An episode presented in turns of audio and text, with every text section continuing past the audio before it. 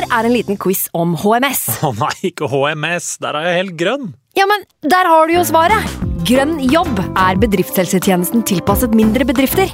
Våre HMS-eksperter hjelper mer enn 8000 bedrifter over hele Norge med alt fra lovpålagte HMS-krav til pålegg fra Arbeidstilsynet. Få på plass bedriftshelsetjeneste på grønnjobb.no.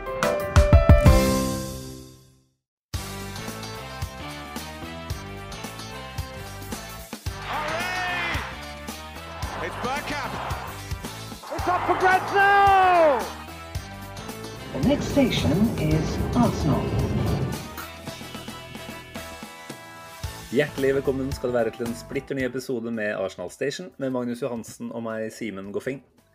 Lars Monsen er endelig tilbake i sivilisasjonen etter en uke på vidda med snellinnhøsting av feitinger. Eh, undertegnede er back in business etter eh, latsabliv og paraplydrinker. Og når Arsenal da attpåtil byr opp til ellevill samba i sesongens første hjemmekamp, eh, da skal det bli helt nydelig å endelig podde litt sammen igjen, Magnus. Ja, først og fremst så må jeg jo bare ydmyk takke for eh, at du trekker paralleller til eh, selveste villmarkskongen. Det, setter jeg veldig stor pris på. Eh, om, om det var en Jesus på matta på Emirates i, på lørdag, så er det i alle fall en Jesus som driver og farter rundt i villmarken eh, med krøllete hår og caps, som heter Lars Monsen. Så takk for den. Du kom deg levende tilbake etter en uke, da, så det er jo klart du er ikke helt ute der. Altså, du må ha plukka opp noen tips fra godeste Lars. Jeg er veldig god på ukestur, men uh, sånn tre år i Canada, det vet jeg ikke om jeg har uh, kapasitet til. Og det ble noen feitinger. Så du er en lykkelig mann etter en uke på farta. Ja da, det ble noen eh, feitinger av den typen man gjerne snakker høyt om, så det, det var deilig. Nei, Vi har masse vi skal kose oss med i dag. da. Eh, mye Arsenal-relatert selvfølgelig, som vi skal sette tenna i etter eh, åpningskampen. Eh, og så har vi jo etter den helga her nå en del andre momenter i Premier League-sammenheng som vi må innom også. Så det kommer vel i kjent tid til å bli en eh, ganske så lang prat dette her. Men eh, vi sier det her og nå. Vi prøver å holde oss under halvannen time. Varse på Stamford Bridge og jeg på si varse på Stamford Bridge og farse på, i Brentford. Så det, Farse det, som vi liker. det blir deilig Yes, å yes. komme dit. Men du Simon, du har jo vært eh, sydover. Allikevel så syns jeg ser brunere ut enn deg eh, i ansiktet. Det er lyset. Det er lyset, ja. ja. Det er så lyst, hvitt lys her. Men du har, kost, du har, du har lada batteria du òg, sånn at eh, For du var ikke med sist. Eh, Da hadde vi jo med Andreas her eh, nok en gang. Nok en gang. Dere gjorde en storarta innspilling rett etter kampen her, som jeg nøyt dagen derpå. Jeg var på, på sydentur med lillebror, så vi fikk oss en, en liten miniferie der nede. Det var deilig. Ble det noen feitinger der? Av hvilken type? Nei, jeg bare spør. Nei, det ble ikke Men jeg ble feitere. Så, så det funker jo aldri det derre Nei, vi pakker med oss eh, joggeskoa i bagen, og så ser vi om det blir noen turer, da. Rørte det ikke, vet du. Nei, det er viktig å slappe av litt.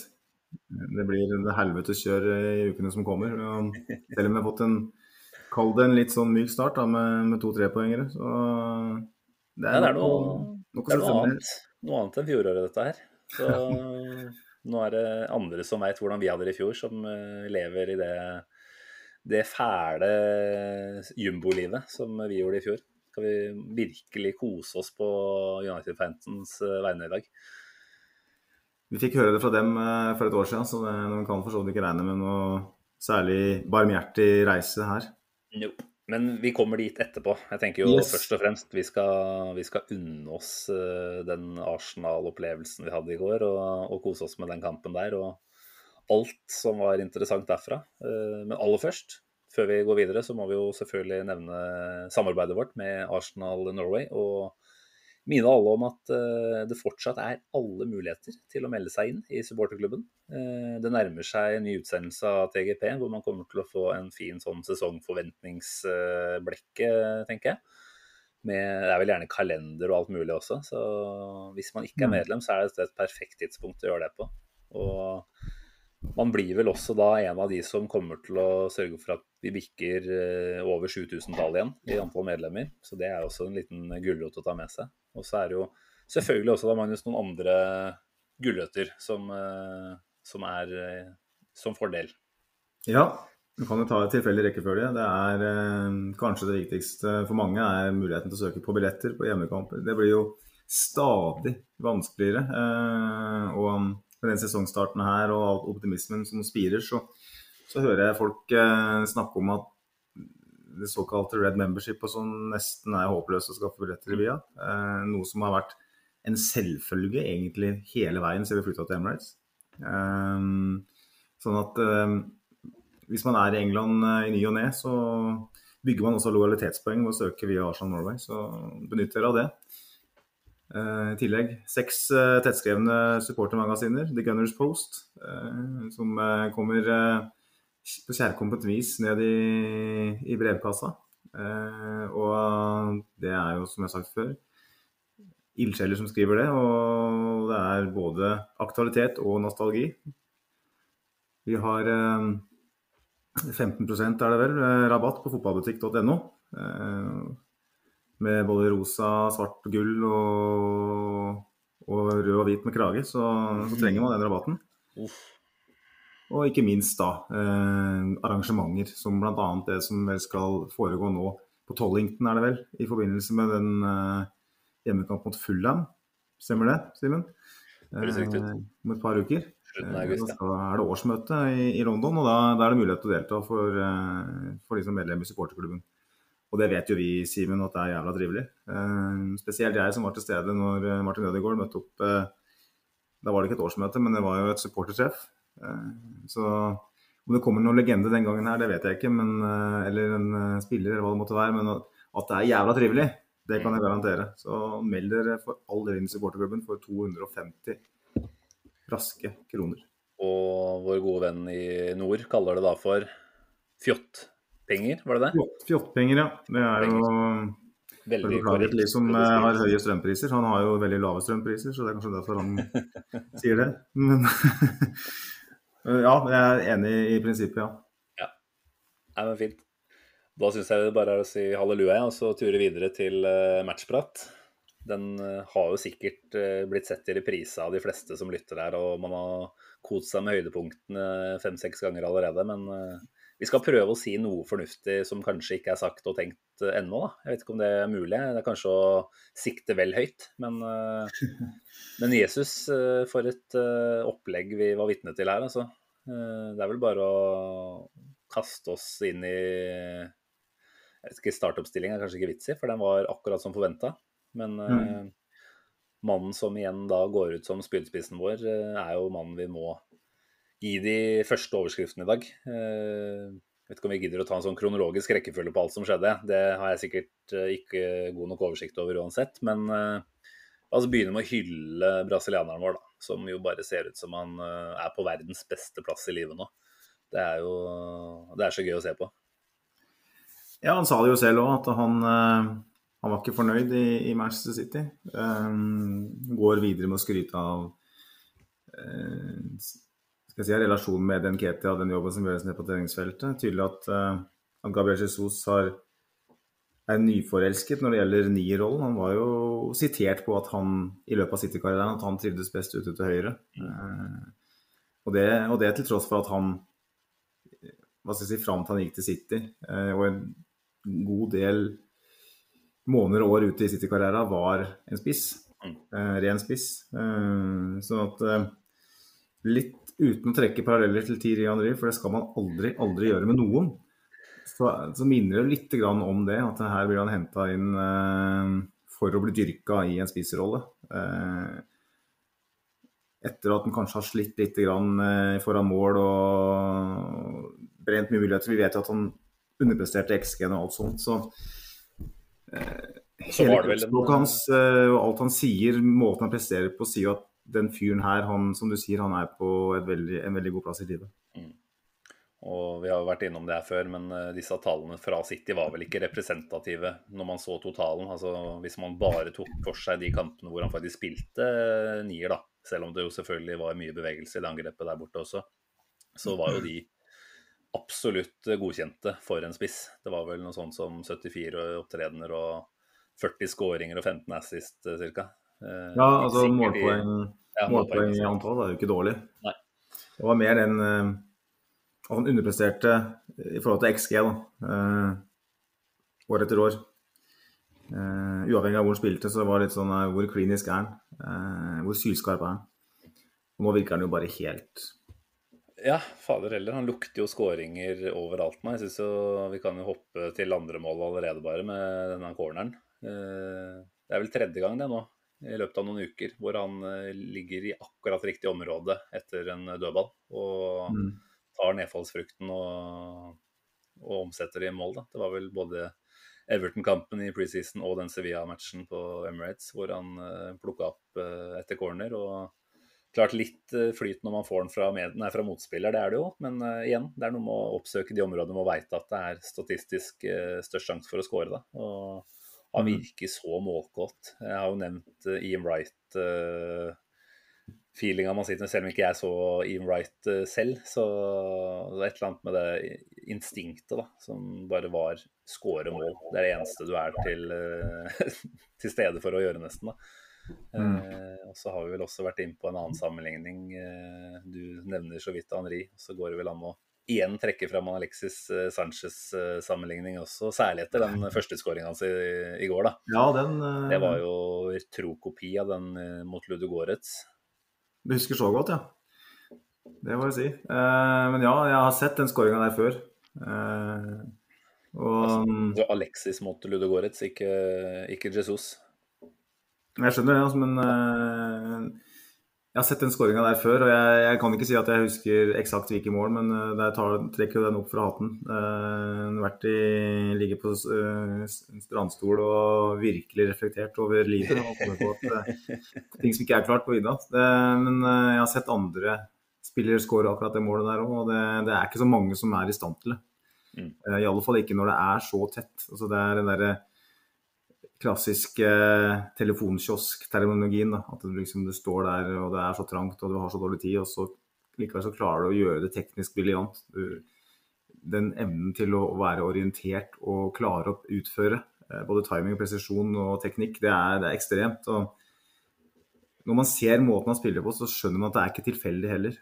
Dette er, dette er en helt eksepsjonelt god fotballspiller. Det har vi vært enige på poden her òg. Eh, spørsmålet jo hele veien her lukter han nok mål. Er han skarp nok? Og så langt, så Og igjen, eh, det var to tellende kamper, da, men preseason og alt det tyder på at dette her er en fyr som er her for å skåre mål. End off. Og, det er så deilig, for det trenger vi jo. Nå, mm. Han plukker fire målpoeng. Altså, klart, eh, bare skåre mål, det var jo på en måte en forenkling av det, for han har to mål, eh, assist òg. Mm. Fire målpoeng i én kamp i hjemmedebuten. Kunne ha tre. Var vi ja, kunne hatt flere. Men er det, klarer vi å finne noen som har flere? Jeg tviler på det. det en I en hjemmedebut? Ja. Det kan jeg ikke tenke meg har skjedd. Nei, så det, det, er ekstremt. Og det, igjen, man skal ikke ta, ta av helt, men uh, en komplett uh, prestasjon. Uh, jeg, du, du, nevnte jo Alexis Sanchez. at han, han har bare 76 treffprosent på pasninger. Er ikke det Alexis Sanchez-tallet? Ja. Mista ballen flest ganger. fire. Eh, men samtidig så har han jo fire målpoeng. da. Vinner flest hodedueller på banen. Fire stykk. Flest driblingsforsøk, som er tre. Eh, sånn at han topper alle de statistikkene som Alexis Sanchez eh, gjerne gjorde. Men jeg føler at her har du en spiller som er litt mer lagspiller enn Alexis var. Og igjen, vi skal slutte å drive og trekke paralleller til alt som er av spillere, men det er interessant da å å se at en, at en spiss kan by på så mye. Fordi at vi har jo hatt eh, enten-eller-spissene nå. Eh, enten som heter Lacassette og eller som heter Abomeyang i ganske mange sesonger nå. Som på en måte har, vi mangla den totalpakken. Eh, en hybrid mellom de to. og Det er vel kanskje det Gabriel Jesus er. Veldig forenkla igjen, men, jo, men her har vi en komplett spiss komplett er ordet her, og det første målet igjen. ikke sant? Det er jo han som Det er vel en langpasning fra en eller annen i forsvarstreeren eller fireren. Som uh, han, han, mottar den ute på venstresiden der. Drar med seg er, vel, er det Johnny Evans, uh, som alltid var litt på etterskudd den uh, dagen her. Men ikke sant? mottar, får kontroll, utfordrer, gjør at vi havner i overtallssituasjon.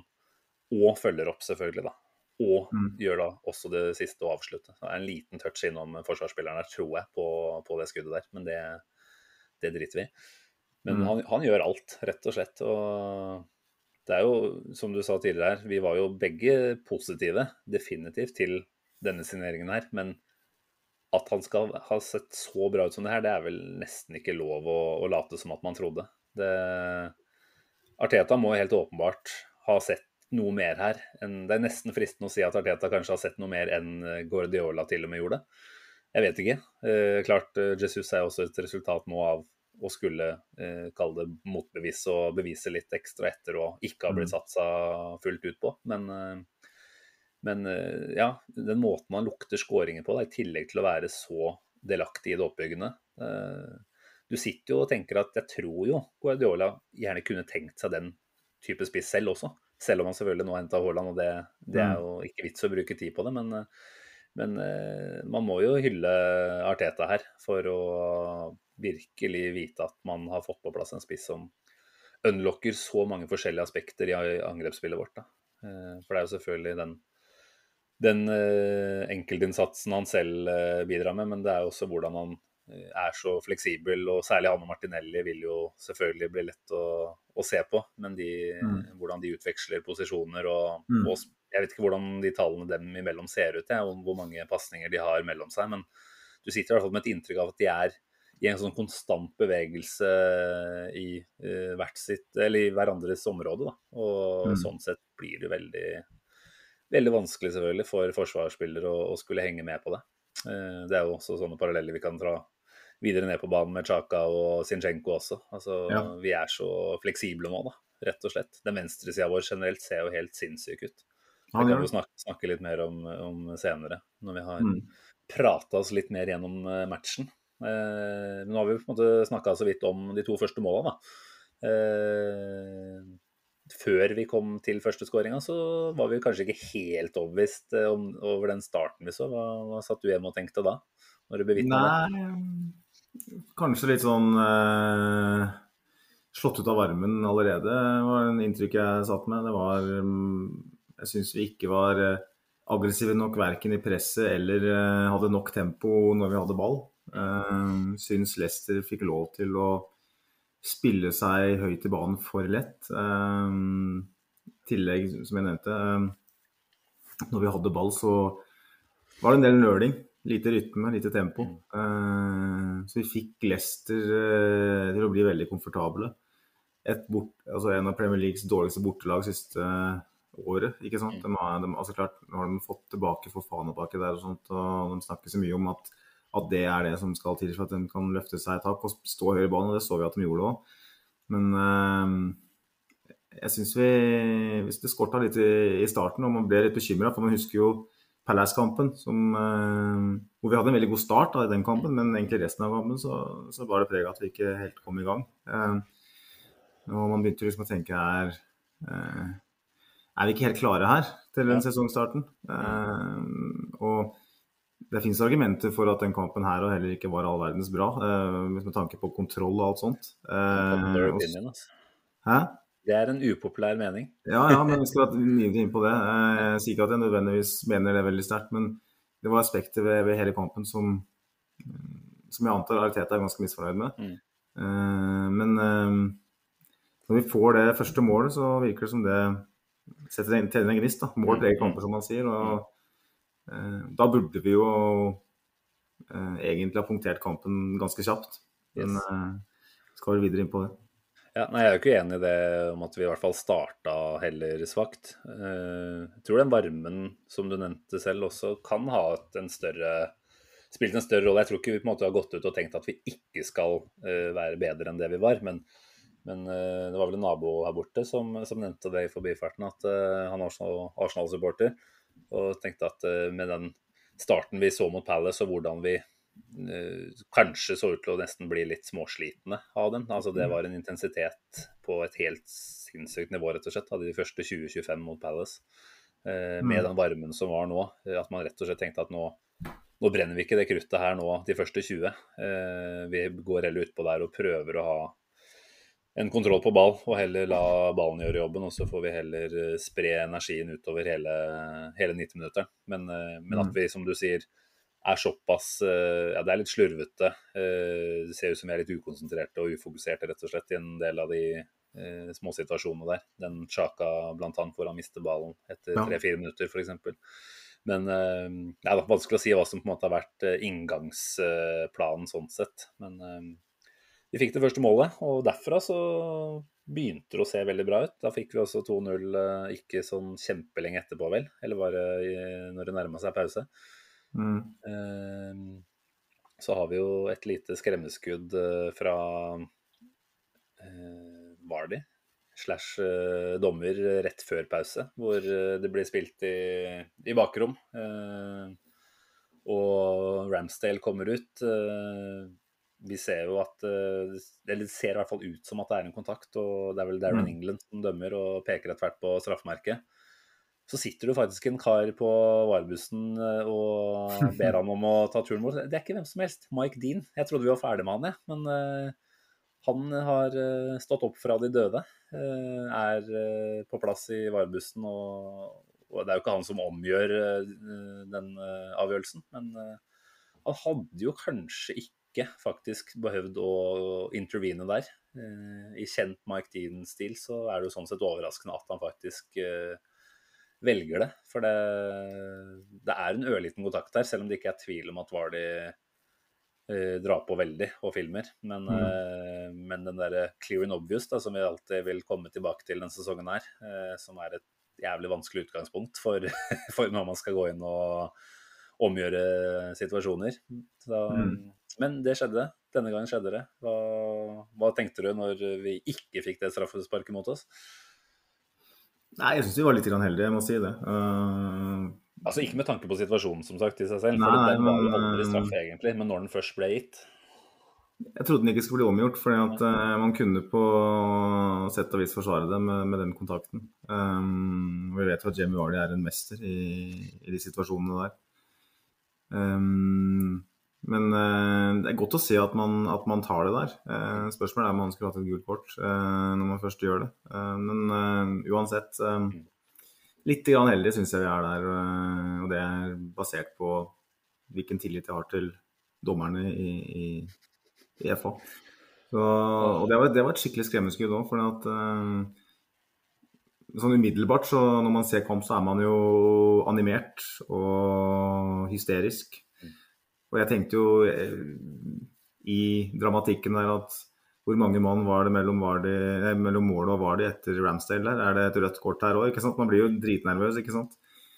Og så ender det med ingenting, så det var jo jævlig deilig når det, når det ble sånn. Um, og jeg tenker på Ramsdale sin del òg, som var, var med å rote litt mot Palace uh, sist. Hvis han hadde fått den der uh, og sluppet inn det straffesparket, så kunne det gått ytterligere utover hans uh, selvtillit òg. Uh, så viktig, jeg tror det være potensielt viktig for, for kampen at uh, selv om det ble eh, en del eh, rot etter det, så føler jeg at det var viktig for kampen at den straffa ikke ble gitt. Så holder vi jo inn tomålsledelsen til pause, så skriver i hvert fall jeg til et par kjenninger at nå må vi bare ut på her og kontrollere og drepe den kampen her eh, før det har gått en time, helst. Mm. Det gjorde vi selvfølgelig ikke.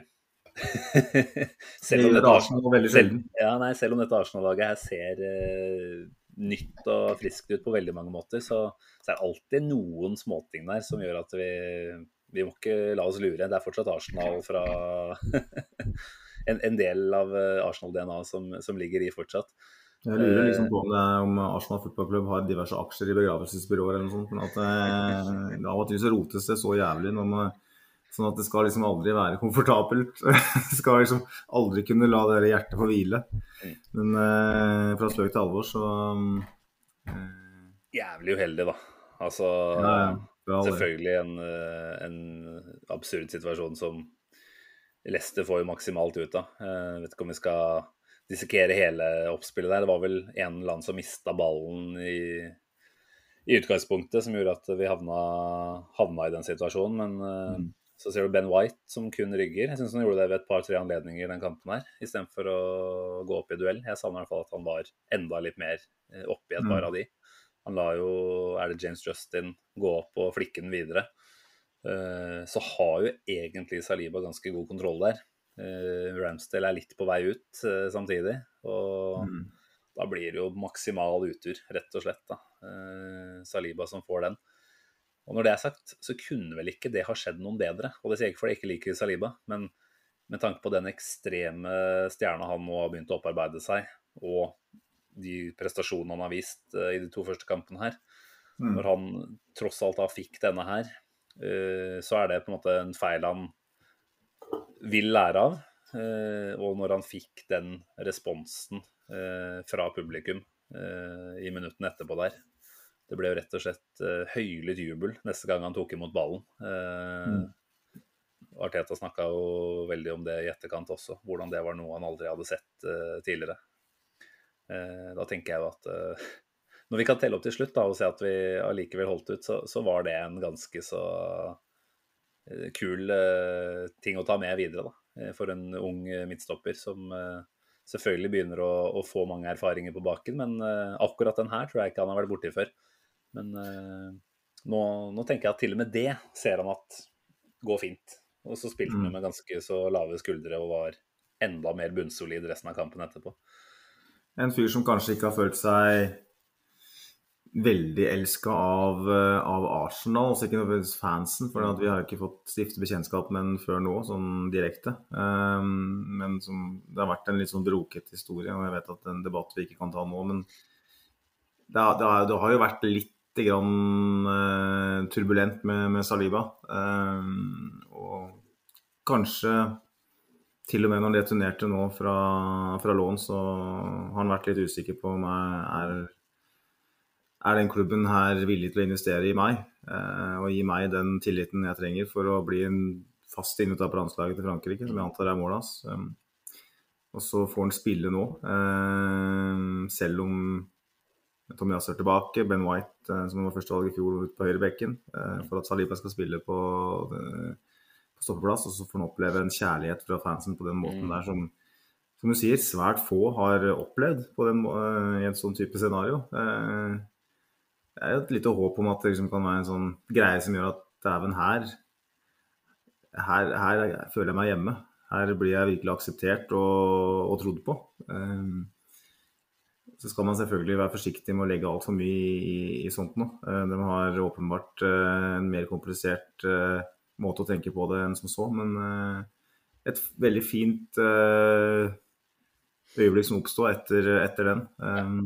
Og, så, og en liten sånn tankevekker for de som til stadighet ser hudflette Arsenal-fans og sier at vi er dårlige supportere og sånn. Det må du jo Vi- si generelt om den kampen her. Det var jo en kjempeatmosfære fra, fra lenge før matchen starta, egentlig. Mm. Uh, selve avsparkopplegget der virka bitte litt eh, underveldende. For jeg trodde den der eh, The Angel skulle ta enda litt mer av. Det virka som nesten ikke var tid til å få den ordentlig på før avspark uh, dukka opp der. Men det er jo bare lite, en liten parentes. Men, Mm. men atmosfæren generelt sett, den var, den var stor, altså, den matchen her. Og helt enig. Det er på tide å, å drepe det Det er jo en myte, rett og slett, at Arsenal-fansen er så veldig mye dårligere.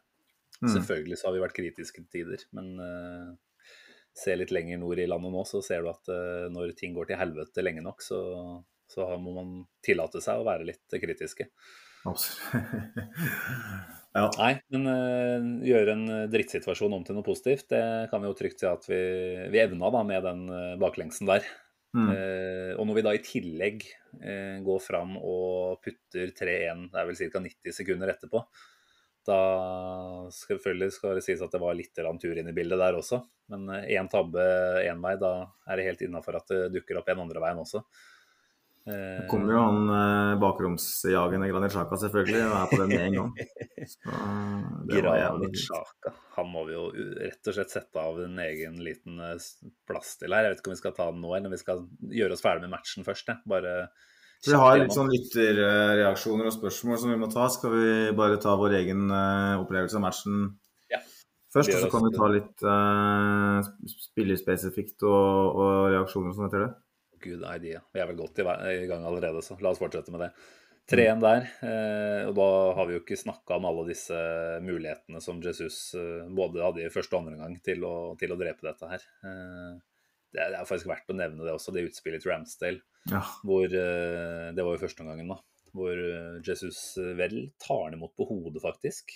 Er jo egentlig da kun passa på av Johnny Evans, som ganske kjapt ser at her bør jeg rygge, istedenfor å ta den duellen med en gang. Eh, tillater jo at Jesus får kontroll, vender bort Johnny Evans, som holder han bitte litt med der, så er han ute.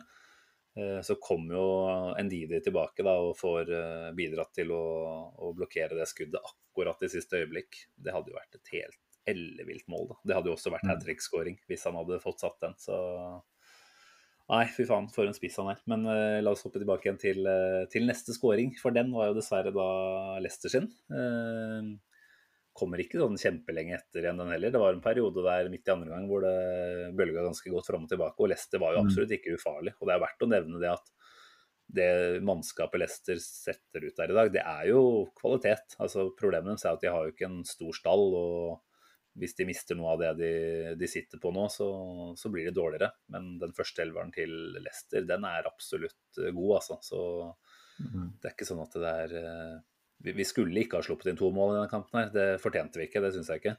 Men uh, det er ikke helt merkelig at man slipper inn og slipper til noen sjanser mot det, det laget her, da. Men vi kan vel allikevel uh, være litt misfornøyde med måten vi slipper det inn på. Eh, kanskje særlig Ramsdale skal være litt misfornøyd med det. Altså, Zinchenko er vel ikke helt der han skal være eh, i det defensive. Eh, Nei. Gabriel kommer vel ikke helt tett oppi, sånn som man kanskje kunne ønske i, i den påfølgende der. Og så er det jo en avslutning fra ganske spiss vinkel som Ramsdale strengt tatt aldri skal slippe inn. Den går mellom beina på han, og er jo litt sånn Vi har vel fått noen spørsmål om det også, tror jeg. Om eh, man skal på en måte begynne å tillate seg å bli bitte litt bekymra på Ramsdales vegne, eh, med tanke på måten han avslutta fjorårssesongen på.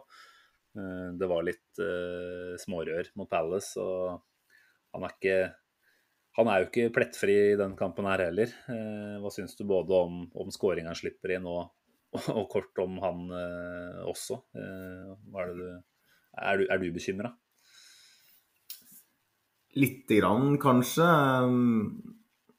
Jeg, jeg, jeg, tror Ramsdale på sikt uh, har uh, pondus og personlighet nok til å komme seg gjennom en tøff periode. Uh, han virker å være beinhard i huet. men han, han, rører litt vel mye. Det blir litt grann klovn. og for all del, man blir liksom han har, smitt, han er, en smittende måte å være på, ikke sant. Og han gjør alltid ting med ball og, og gjør redning i hver vers som gjør at du tenker at her er det, her er det en toppkeeper. Men så har han øyeblikkene sine eh, hvor han, rører. Han hadde det mot Palace, som du sa, og, og igjen her. Så at eh, Trenden er jo ikke veldig bra, men eh, ikke noe mer enn småbekymra. Jeg har god tro på at han kommer seg gjennom det. Uh, jeg bare håper ikke det koster altfor mye å komme gjennom det. For det er klart vi det er en sesong som, skal, eh, som helst skal ende med en viss suksess. Men eh, når det gjelder målet, så Zinchenko han visste jo at ikke var en Tierney defensivt. og Vi så det mot Palace, spesielt i andre omgang, at han én mot én defensivt hadde store problemer. og posisjoneringa hans i forbindelse med det målet der var ganske håpløst. med tanke på at han, det var ute på hans, uh, ute på hans bekk. Og så blir det selvfølgelig en, en total av flere småting, ikke sant. Du har. Gabriel som du nevner, og du har en Ramsay som ikke skal slippe inn. Så um, det er ikke så mange som snakker om det, om det hvis Ramsay ikke slipper inn målet heller. Men uh, som totalt sett så en, en svak uh, en svak uh, innsats av Arsenals bakre femmer i det tilfellet der. Og mm. jeg føler at Eh, hvis vi skal snakke kamp om kampen mer generelt etter hvert, så vil jeg jo nevne at omstilling defensivt i den kampen her ikke var all verden. Mm. Uh, instant reaction fikk vi i hvert fall en gang til.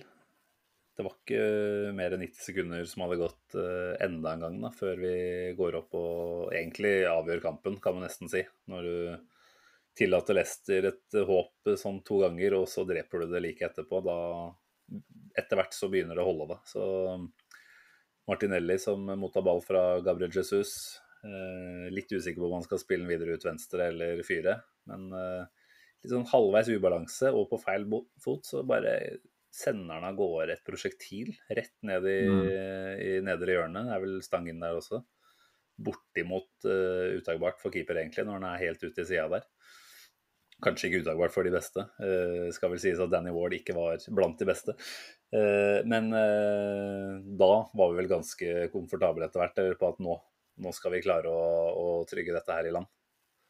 Ja, altså det er kanskje kampens øyeblikk for meg. For på 3-2 da frykter jeg at nå nå kan det korthuset her klappe sammen, for at nå har det skjedd to ganger.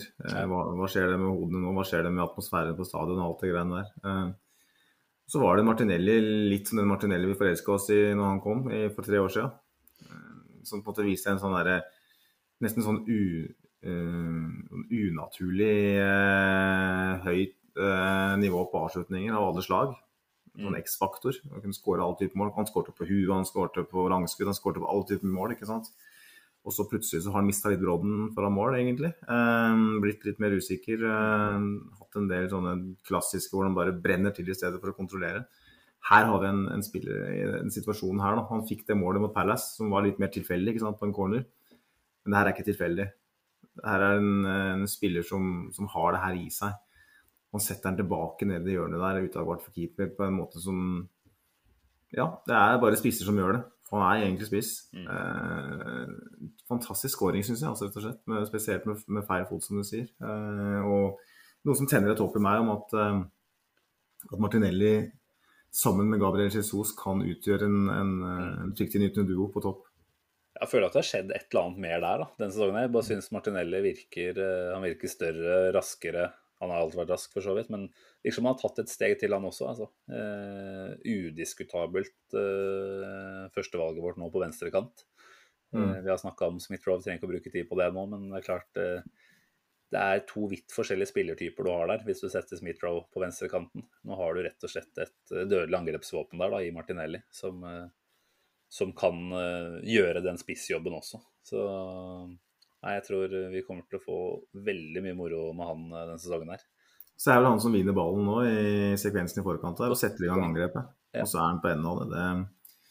Det, det oppsummerer han ganske godt, syns jeg. Han eh, åpenbart ikke like slepen og dominant som, som Gabriel Jesus var i den kampen her, men eh, ofte den som klarer å gå av presset, som klarer å I en kamp hvor Arsenal hadde sine beste øyeblikk i offensiv omstilling. Eh, fordi det var ikke en kamp vi kontrollerte, uh, syns jeg. Eh, det var mer en kamp hvor vi var rett og slett mye farligere, mye mer skapende når vi først vant ball. Mm. mye mer brodd i det vi foretok oss. Og det var mange ganger hvor Martinelli var den som klarte å, spesielt ofte ta imot ballen feilvendt, gå av et par mann inn i banen og så og, og sette opp et angrep. Og det gjorde han mot Palace òg flere ganger. Eh, det virker som, som det er en liten plan. Altså, ser at på, som du nevnte, da, at Gabriel Jesus og Martinelli de vandrer veldig mye på tvers av hverandre. Men eh, jeg syns Martinelli viser veldig lovende takter med, med det, den evnen til å gjøre noe produktivt når man mottar ball feilvendt. Og ikke prøve på det aller vanskeligste hver gang. Bare gjør noe safe, gå av et par mann, for han er jævlig god én mot én. Han har teknikken, han har styrken, han har eh, smidigheten. Og så får han ballen inn sentralt, og så setter han i gang. Yes. Eh, og det, det, det gjorde han flere ganger. Og det, jeg blir veldig nysgjerrig på, på hva det her kommer til å bli. altså, han lekte jo med Fofana egentlig hele matchen. Fofana fikk vel et gult kort der ganske tidlig. Eh, skal jo for så vidt gi han honnør for å slippe å, å ture ut. Men hvis han skal til Chelsea for 8 millioner pund, så gleder jeg meg til første kamp mot Chelsea. For da så får vi en liten reprise av dette her, så, så blir det mye moro også. Det er vel i november vi møter dem på brua. Men eh, nei, jeg tenker at han, han er ekstrem på så mange områder nå. Presspillet hans er eh, ja, Du var inne på det i forhold til det å gjenvinne ball, eh, men også det å være en del av det presspillet vårt. Det virker som han har Han henger med på alt det Arteta ønsker fra nå, da. Mm. Gjør Artetas jobb på alle områder av spillet, og da, da tror jeg han er en klink uh, førstelagsspiller nå. Eh, eller altså første elverspiller ganske lenge. Eh, Mm. Det blir spennende å se hvordan, hvordan han takler. For det er klart det er en krevende måte å spille fotball på, det han eh, holder på med. Så Mm. bare håpe at eh, kroppen eh, restituerer godt og, og tåler det imellom. Uh, nei da, men uh, kampen uh, vi, vi holder ut. Jeg vet ikke om det er så veldig mange flere ting vi må snakke om. Selvfølgelig en Jesus uh, at han ikke får det hat tricket sitt når han er alene på bakre stolpe her og, og skyter i nettveggen. Litt ut av Ja, balanse, og den ballen kommer jo litt fort. er han var møkka sur for det selv, ifølge Arteta, i garderoben etter kampen, og at han ikke hadde skåret flere mål. Det er klart, Når du har fire målpoeng og selvfølgelig da blir man of the match i hjemmedebuten, så er det jo mange som sikkert ville vært brukbart fornøyd uansett. Men, eh, men det sier jo litt om hva slags type vi har fått inn her, da. Når han eh, er så gira på å skåre mer. Så Nei, men det, det er klart um, Vi har uh, henta et par karer fra en, eh, en annen klubb i England som har en ganske solid vinnerkultur akkurat nå. Og du så jo også Zinchenko vrengte trynet noe grenseløst når den uh, vareavgjørelsen kom i forbindelse med straffesparket som Leicester ikke fikk. Så uh, det å få noen sånne typer inn i, i garderoben, det, det kan jo bare gjøre uh, bra bedre. ja, ja. Altså, dette er jo ikke folk som ikke kommer til å være fornøyde når Arsenal ikke vinner. Altså, Nei. for dem så er det én ting som gjelder, og det er, Jeg tør ikke å ta altfor store ord i munnen her, men eh, det er klart at man, eh, man begynner jo å ane at det Arsenal-laget her skal være med å kjempe om eh, større ting etter hvert. Sølv, er det ikke det du sier? Jo, vi kan godt, jeg føler at det tipset ikke står seg så mye dårligere nå etter to runder enn en før sesongstart. Men som sagt, jeg er en sånn fyr som ikke ser på tabellen før det har gått noen runder. Da, så jeg vet ikke hvor vi er engang nå. jeg. Det er sølv, da. Ja, det er det, ja. Ok. ok. Så du har rett så langt. Helt on point, det. Ja, du bør egentlig gi deg noe på topp, du nå. Til slutt. Men eh, jeg har lyst til å snakke litt om eh, de in individuelle prestasjonene òg, Ja. men jeg syns eh, bare for å måte oppsummere kampen litt, så um, er det her en kamp som eh, jeg føler begge lag eh, prøver å vinne matchen på offensiv omstilling. Eh, For det er ingen av lagene som klarer å kontrollere matchen. Leicester har marginalt mer possession enn oss i den kampen her på hjemmebane, og det, det nekter jeg å tro at Arteta er fornøyd med. Mm. Eh, Sånn vi kjenner Arteta, så ønsker han en 70-30. Eh, Midtbanen vår klarer ikke å kontrollere kampen på den måten Arteta ønsker. Thomas Party han har vel en pasningsprosent på 69. Oi. Han hadde en ganske svak match. Han hadde noen øyeblikk, ja, men Ja, og sløv og ukonsentrert og gjør mye rart. Um, og det er litt klassisk Thomas Party. Martin Ødegaard um, spiller seg bra opp, syns jeg. Hadde en bra andreomgang. Men er jo ikke den Martin Ødegaard vi vet kan være på sitt beste. Altså er på sitt beste. Han uh, si at han ikke har kommet i gang ennå denne sesongen her. Men igjen, da. Altså, vi har blitt veldig godt vant med han nå. Og så gjør han jo kanskje mer av den usynlige jobben også da, i den kampen her. Han er jo alltid på farten. Hadde vel løpt nesten 1,5 km mer enn uh, nestemann på lista, som var Granit Xhaka. mm, Klart at han ved sine bevegelser og si, måten å være tilgjengelig på for medspillere på, eh, bidrar i vårt spill. Det, det er det ikke noen tvil om, men at han har vært lit, ja, mindre influential på ball enn det vi ønsker å se, det er det heller ikke noen tvil om. Det er Han jo skapte vel eh, var det, var det bare Bruno Fernandes eller noe sånt som hadde flere, skapt flere sjanser for åpent spill i fjorårssesongen. Eh, I den kampen her så, så har han bare han har færrest nøkkelpasninger av alle de offensive spillerne som starter kampen eh, for Arsenal. Han har fire Arsenal-spillere som har flere pasninger enn. Han, han dominerer ikke kampen på den måten vi vet han kan gjøre. Og vi ser den samme trenden med han og med Thomas Partey. At de trenger tid å komme i gang, komme i flyten. Det har vi sett, vi har sett det mange ganger med begge to. Og det er årsaken, føler jeg, til at Og så er det selvfølgelig mange andre årsaker òg, men det er en viktig årsak til at vi kanskje ikke klarer å styre matchbildet da, på den måten Mm. som jeg vet at Teta ønsker at vi gjør. Og det gjør meg òg jævlig positiv, fordi at jeg tenker at de to kanskje viktigste spillerne med tanke på å kontrollere et matchbilde, har ikke kommet helt i gang ennå. Når de to kommer i gang, eh, hva, hva skjer da? Ja, du kan jo nesten legge til Saka inn i den også. Altså, selv om han absolutt har gjort en del godt, så har du Vi har jo vært veldig venstretunge nå, eh, i hvert fall i den andre kampen her. Men også mener jeg Nå fikk vi jo den eh, andre skåringa på, på Sellers Park fra Saka eh, etter at han slo inn derfra. Men eh, Mm. føler at han og Ødegaard kanskje da, eh, har blitt kall det marginalisert eh, mer, og at fokuset har vært på, på venstresiden.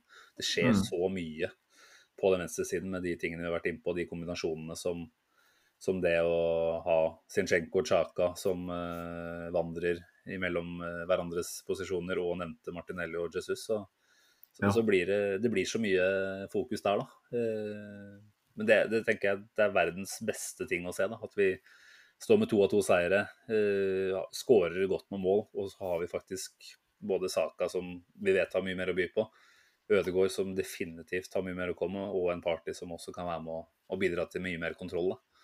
Så det må være lov å være positiv sånn sett.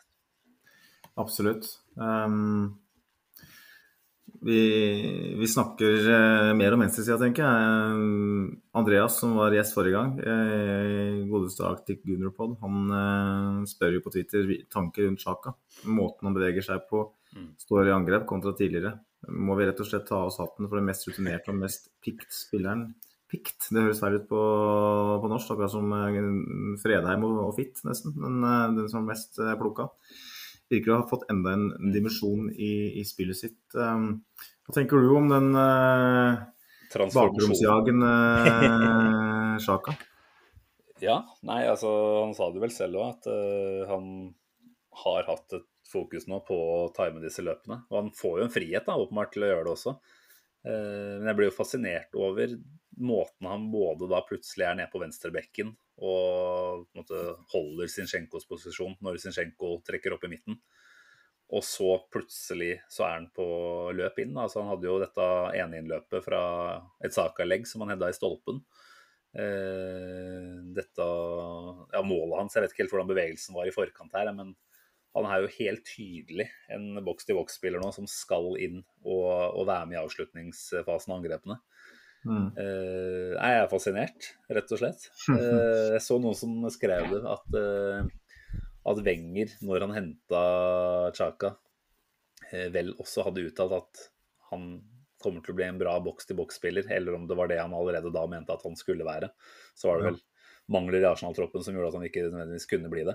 Men jeg syns jo vi nå ser eh, konturene av en som er veldig trygg i det systemet som Arteta har brukt mye tid på å implementere, og som ut fra det da, eh, får en del frihet. Altså Det kan du si for alle spillerne. altså Når systemet som helhet sitter, og så eh, når folk er så trygge på det de selv skal gjøre, så, så skaper det mer rom til å ja, både være kreativ, men også bevege seg mer. Og, og være Mm. med i andre faser av spillet som vi kanskje ikke er så kjent til. og det er jo en kjempedimensjon i angrepsstilet vårt å ha en eh, Chaka, som selvfølgelig ikke er vår beste avslutter, eh, men, eh, men bare det å ha en som kan dukke opp der ballen ramler ned, da.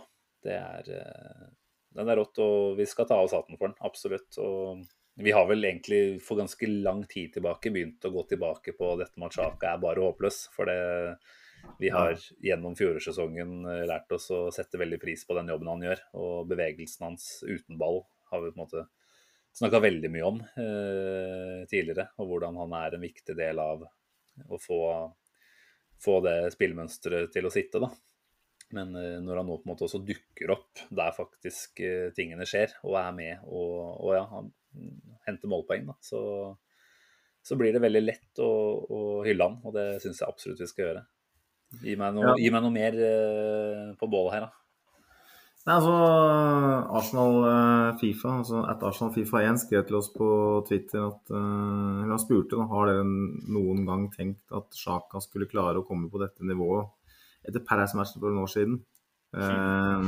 Smart smarte løp og bevegelser som ligner på Rams i 2013-2014. I tillegg opptrer som en leder og en kaptein. Og han bøyer seg i hatten, og du, bøyer, og du bøyer, tok av deg hatten. Så da er dere for så vidt ganske samstemte. Men uh, bare, bare for å svare på det, så det er vel ingen av oss som trodde at han skulle uh, komme tilbake og revansjere det så til de grader som han har gjort. Uh, det har vi snakket om lenge. Men eh, personlig så, så er jeg fortsatt der at eh, ja, jeg, jeg er veldig imponert over Granit Xhaka. Eh, igjen så fremstår han mer som en bærebjelke enn Thomas Partey eh, i det laget her. Eh, selv om jeg vet at det ikke er bærekraftig. Eh, samtidig så Jeg skulle ønske at det var en annen spiller som dukka opp i de, i de posisjonene, da, offensivt. Jeg vet han skåra det målet og alt sånt, men uh, jeg tror vi har en del å hente der uh, med en annen spiller. Han mister jo ballen to ganger i farlige situasjoner over den kampen der. Han, han, han, har, med, han har jo tempoproblemer. Altså, er det en ting vi på en måte aldri vil kunne uh, få fjerna derfra, så er det jo at han er en ganske treig spiller. Da. Mm. Det gjør at man begrenser eller må begrense hva han skal bidra med på banen. Uh, til å kanskje ikke være den uh, kall ballsentralen som risikerer å bli overløpt. Da. Eh, og jeg tenkte akkurat det samme som deg, at nå ser jeg ikke at Tilemanns er den spilleren. Det er jo lett å trekke fram han nå etter den kampen her og si at han var helt han var usynlig. Så, men, men, det er klart at han i i form av å være en enda større trussel framover, sikkert kunne gjort en, også en spennende jobb fra den venstre indreløperposisjonen der. Hvis han hadde fått litt tid, da. Fordelen til Sjaka nå er at han kan det. Eh, for, altså Arsenal den sesongen trenger at noen kan det. Eh, hvis mm. vi henter inn en ny spiller som må bruke litt tid på å lære seg det, så, så kan jo totalen eh, sesongen igjennom ikke nødvendigvis er så veldig mye større i favør av en ny spiller kontra en Chaka. Det er vanskelig å si. Eh, vi kan jo snakke litt om overganger etterpå sikkert òg, men eh, nå, nå sang man vel at Tilemanns eh, kom til å være tilbake neste uke fra tribunene. Og skal jo ikke dømme han ned etter én match heller, men jeg kjenner jo kanskje at behovet for Tilemanns, da Han er absolutt en ålreit spiller, men jeg vet ikke om han er den som vi på en måte kanskje skulle ønske at kunne revolusjonert oss enda enda mer, da. nei jeg syns den er litt tricky. Jeg tenker absolutt at vi må sette pris på det Chaka gjør også. Lett å tenke at ja, noen andre kan komme inn og gjøre det samme og gjøre det bedre, men det er ikke sånn at det er gjort i, en, i et blunk, det heller, altså. Så ser vi jo med nye øyne nå på den venstre sida med Zinchenko. Eh, hva kan det føre til for, for en Granit Sjaka? Det er jo et spennende spørsmål. Men at den graden av kontroll vi hadde i den kampen, Eh, her føler jeg Zinchenko er den største bidragsyteren til eh, i de fasene vi virkelig har kontroll. Han har flest pasninger av alle i Arsenal-laget.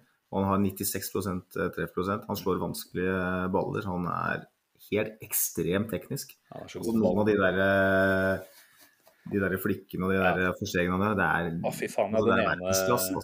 ene sånn der 1-2-hælflikken han hadde på mm. vår venstre side, det var vel andre andre det, som ble luka mm. og en pasning. Det, det, er så rått å se på. Han hadde jo hatt noen sånne lekkerbiskener i hver kamp egentlig han har spilt. Så det tekniske nivået på han, det er så skyhøyt.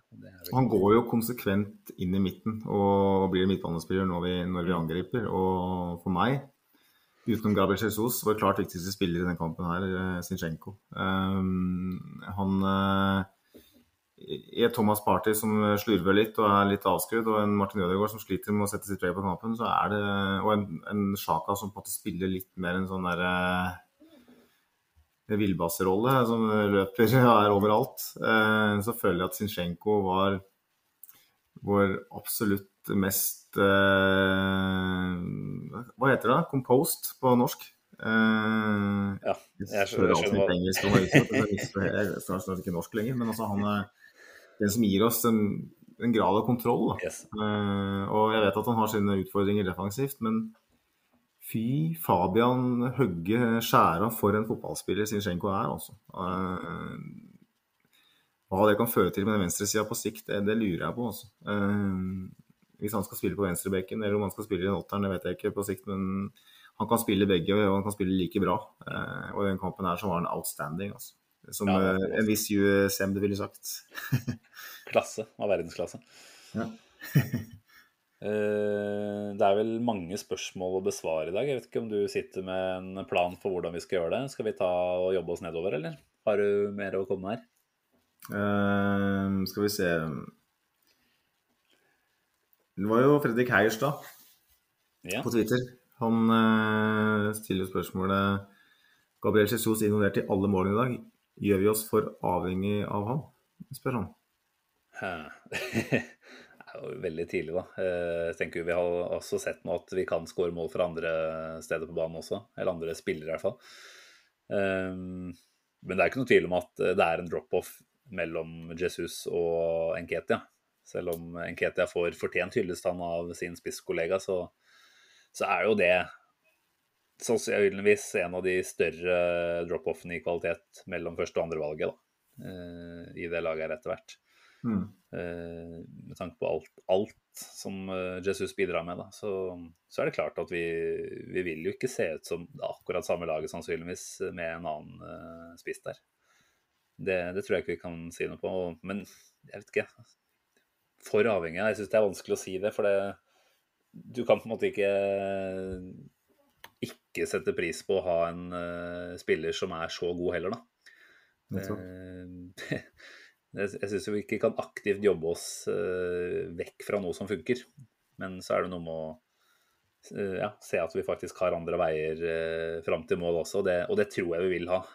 Jeg tror det er såpass mye offensivt potensial i de andre enkeltspillerne og i andre måter som Arteta legger opp uh, spillet på. Da. Så jeg, jeg tenker at uh, om Jesus, da, la oss banke jævlig hardt i bordet og tenke at det aldri skal skje, men om han skulle få et skadeavbrekk her, Mm. så, så tror jeg vi vil komme til å, å produsere og skape uh, en del offensivt uansett. Det tror jeg.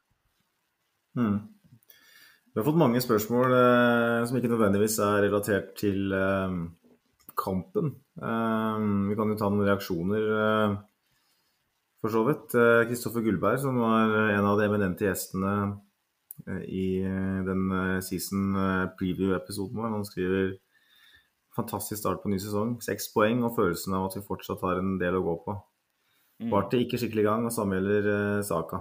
Eh, han skriver mer om, men jeg tenker vi kan ta Tor Arne Vassåsen nå. Han skriver rett og slett 'deilig med seier'. Gabriel Jesus, akkurat den spilleren vi trengte å få inn. Må føye til at jeg syns det er ganske digg at Manchester United legger under 4-0 mot Bedford. Eh, det var jo pause på det tidspunktet, så jeg er vel kanskje skuffa over at det ikke ble mer. Ja.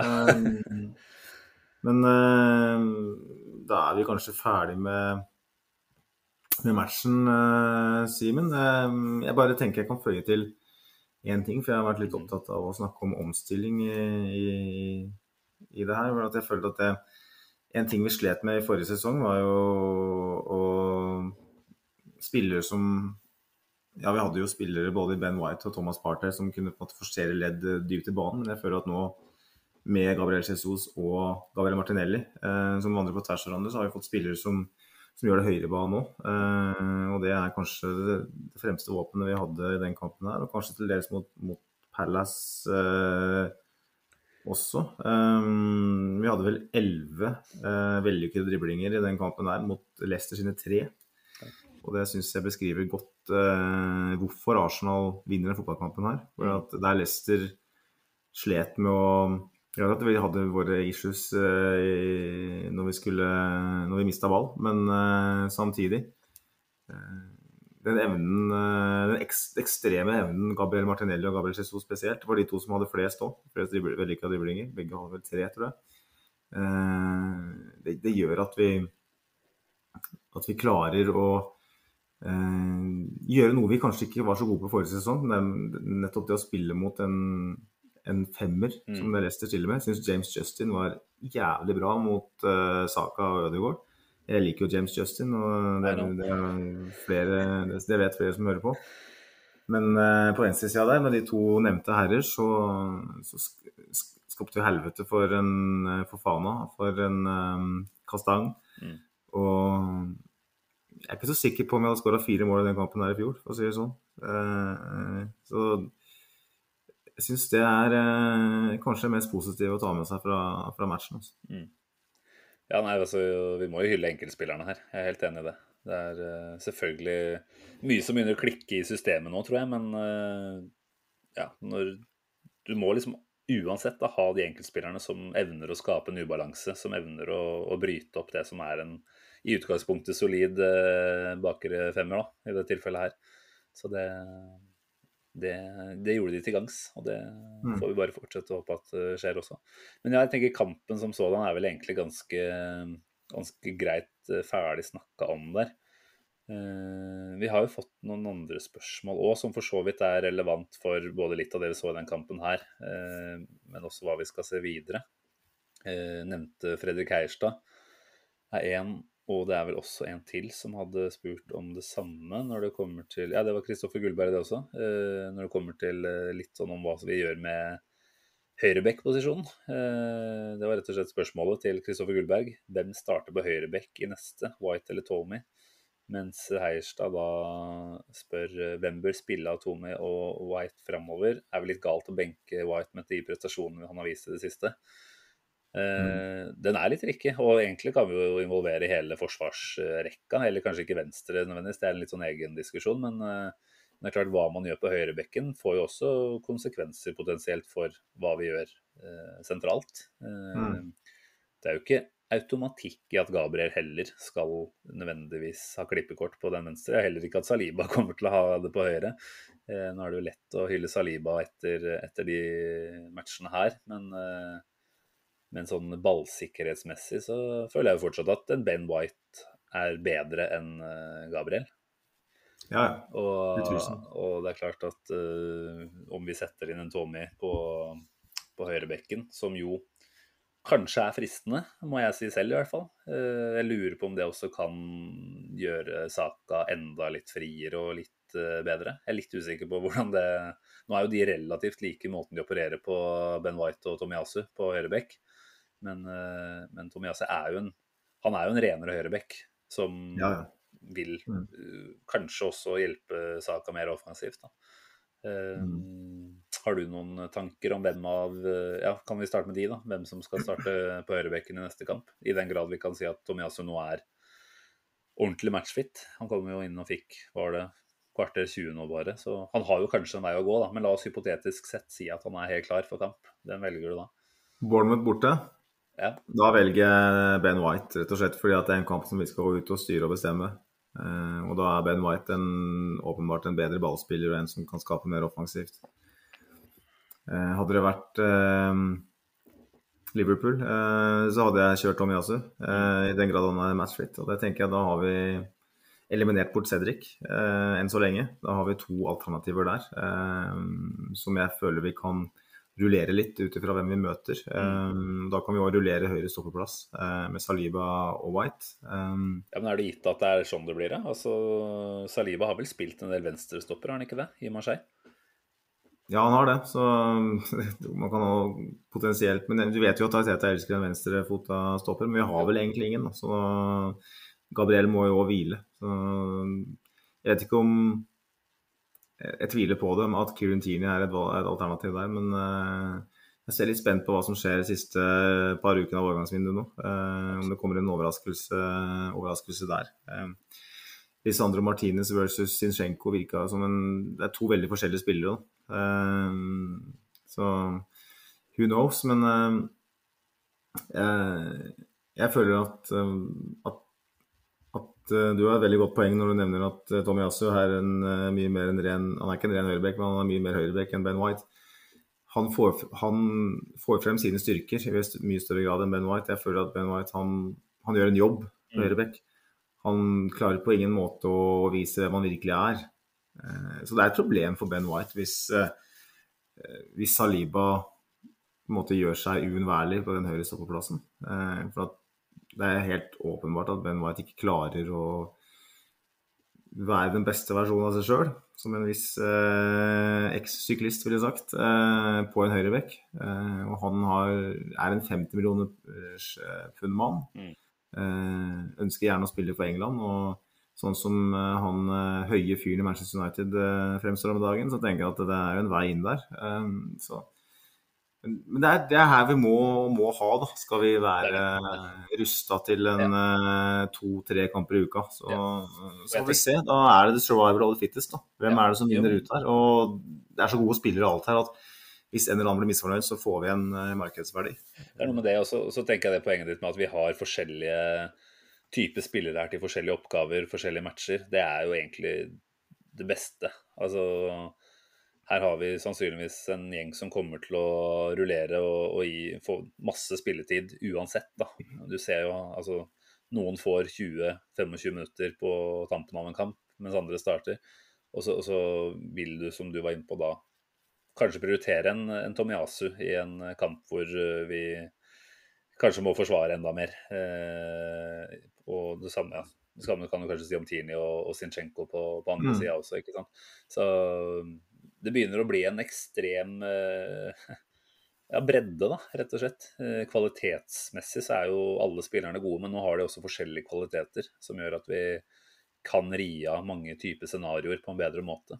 Og jeg tenker at det her er et fantastisk problem å ha. Altså, mm. Og jeg tror ingen av de spillerne her kommer til å begynne å, å klage eller murre når det blir litt mindre spilletid enn det man kanskje hadde sett for seg. Eh, særlig hvis Arsenal gjør det bra. Eh, jeg tror at den gjengen Arteta har samla sammen her nå, er eh, veldig harmoniske. Og han har også han, hanka det inn rett og slett i, i den uh, forståelsen av at her er det typer som kan gi han forskjellige løsninger på forskjellige problemer. Ja, og det er som du nevnte om venstresida, det er så deilig å se at en Kirin Tini kan, som har blitt litt avskilta av meg og mange andre, eh, kan komme inn og spille en så tydelig rolle i en stall. Uh, uten nødvendigvis å bli overforbrukt og, og skada. Uh, det gir meg på en måte troen på at, at han kan, kan, være en, en viktig brikke.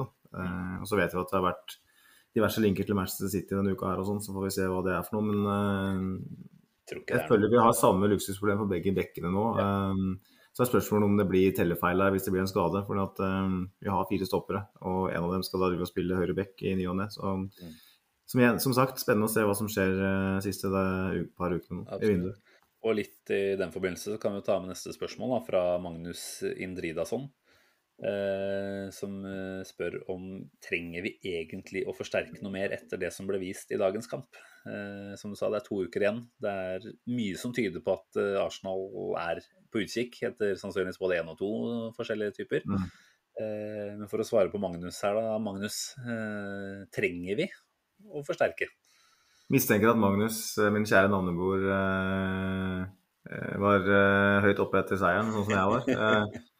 Jeg, jeg tror definitivt at vi trenger å forsterke. Jeg tror ikke vi nødvendigvis trenger å forsterke eh, forsvarslinja, som vi har snakka om nå. Men at vi trenger en midtbanespiller og en, en angrepsspiller, det, det, mm. tror jeg. Men når vi skal ut og kjempe om en tredje-fjerdeplass og en seier i Europaligaen mot altså veldig kvalifisert motstand, spesielt i Premier League, der er det der blir det knallhardt å komme topp fire. Det, det, virker veldig tydelig. Og uh, Martinelli har starta bra.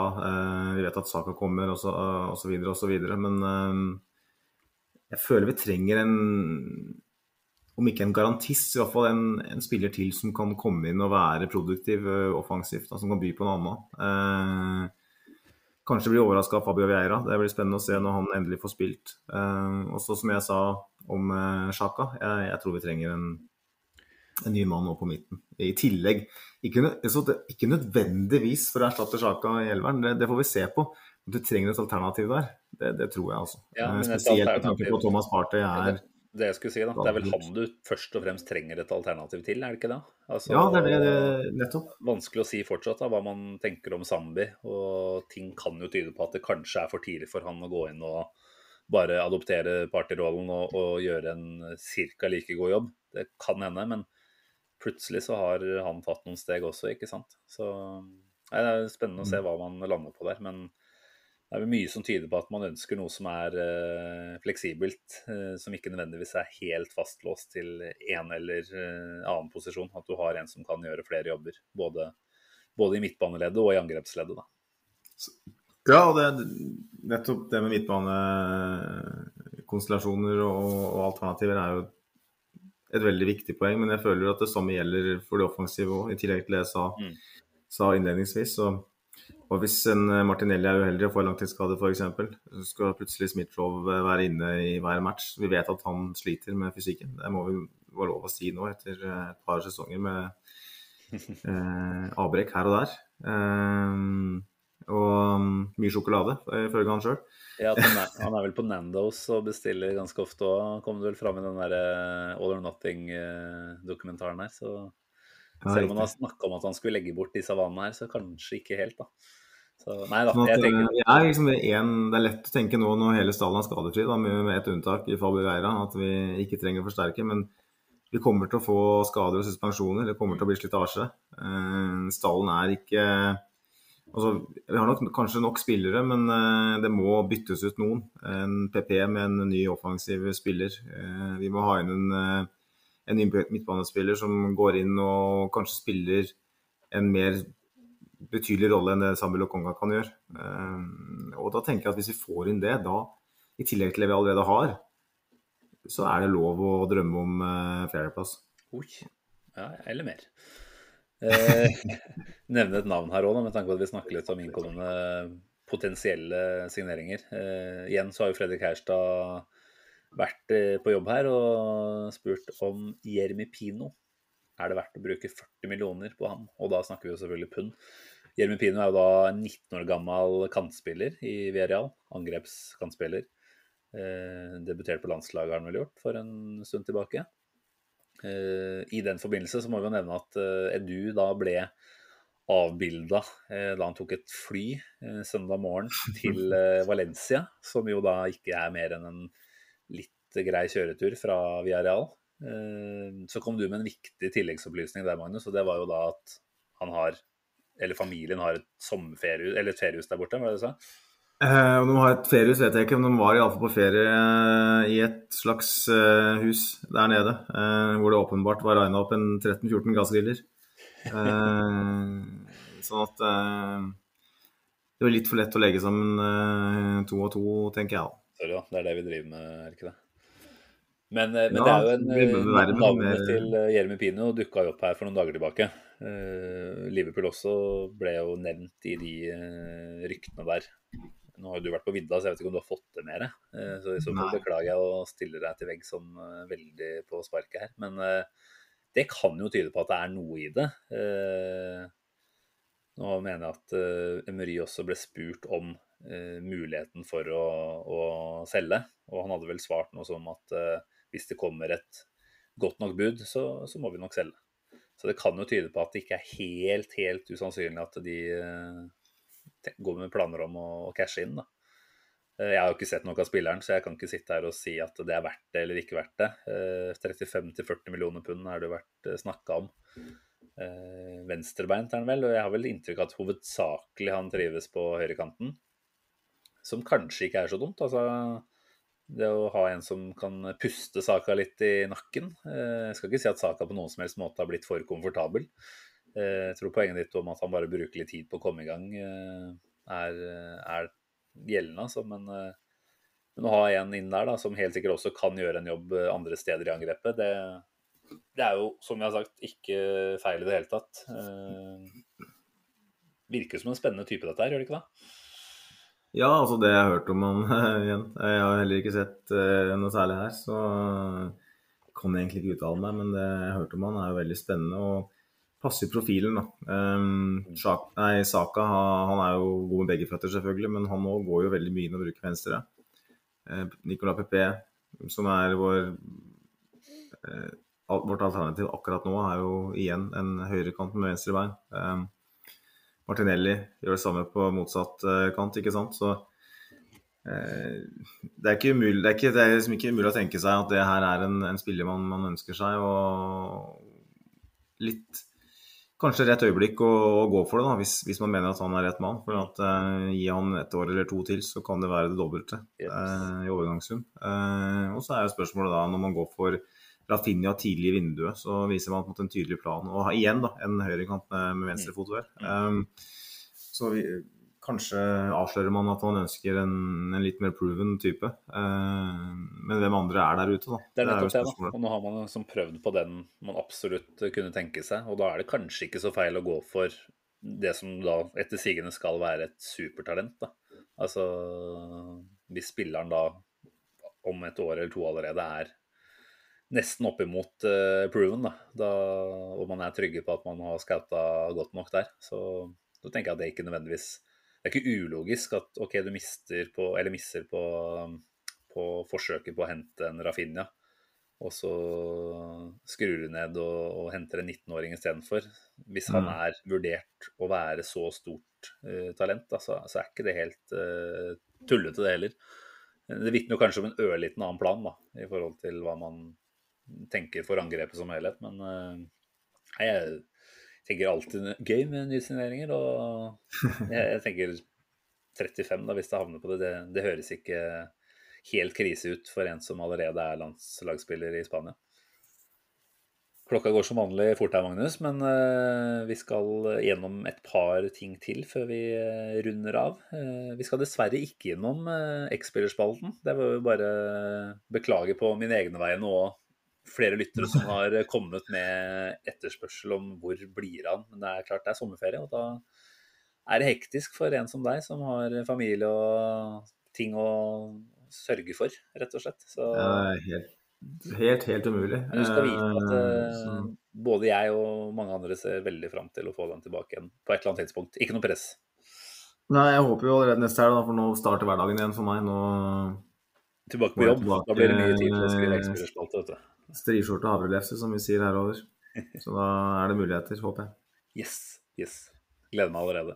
Eh, men ett spørsmål til før vi runder av. Det skal vi ta oss tid til. Eh, Espen Berg på Twitter spør eh, nå etter to runder, hva tenker dere om utfordrerne til topp fire relatert til Arsenal?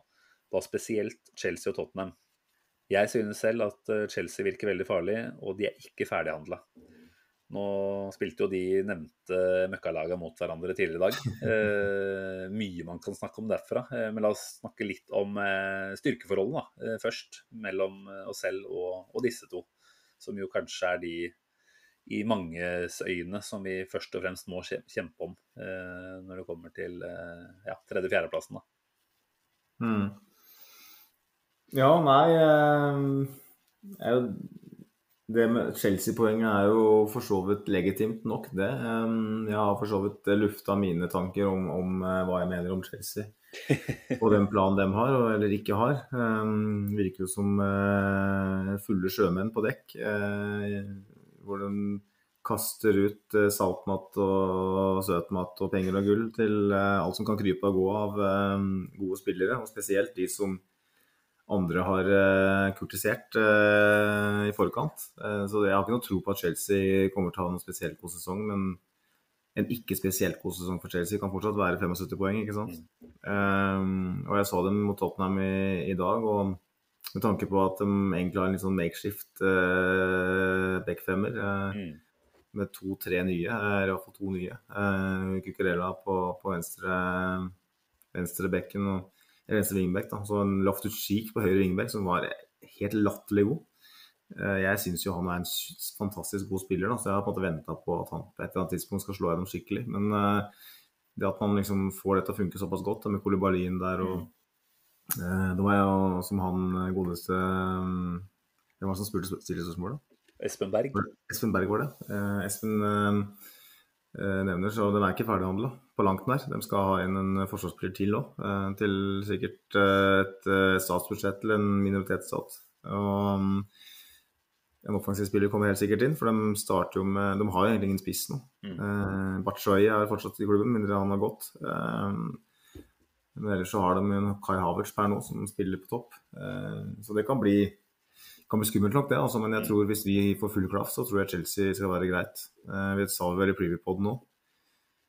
Eh, så kan du kanskje svare på, på Tottenham. Da. Jeg syns ikke den så spesielt gode i dag, selv om de fikk eh, Det var det. ekstremt godt betalt.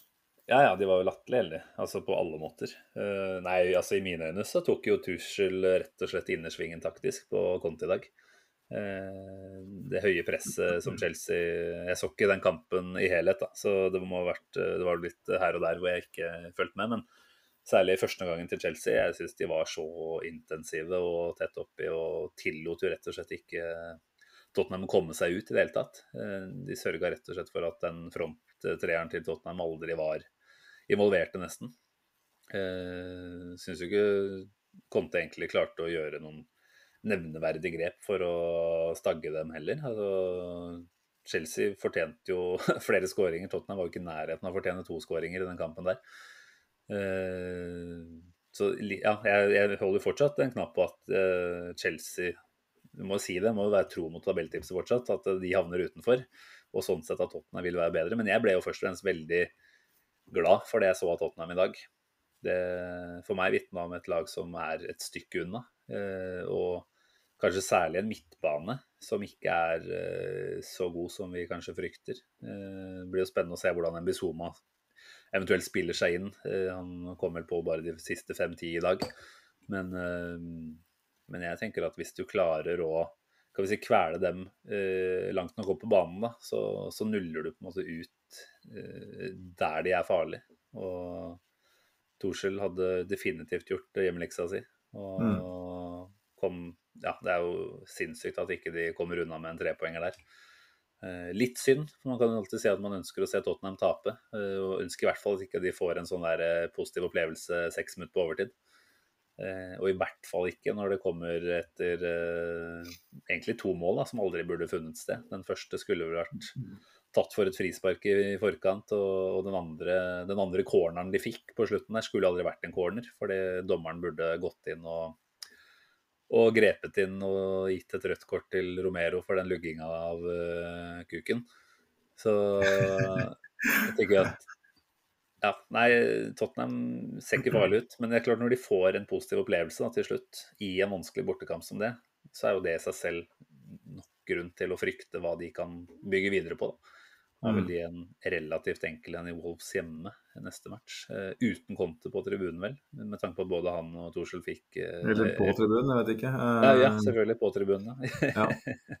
ikke gestikulerende på indre bane, så det kan jo være en ørliten effekt av det, selvfølgelig. Men nei, Tottenham var i dag ikke så skumle. Men så er det du må selv på de dårlige dagene klare å få med seg noe. Det er jo en kvalitet vi gjerne ønsker alle sammen. Men altså, du nevner det jo. Eh, det å få med seg noe, det er kanskje ikke noe Tottenham står for selv i den eh, kampen her i veldig stor grad. Det er et Chelsea som sløser eh, ganske drøyt, og i tillegg en Anthony Taylor som.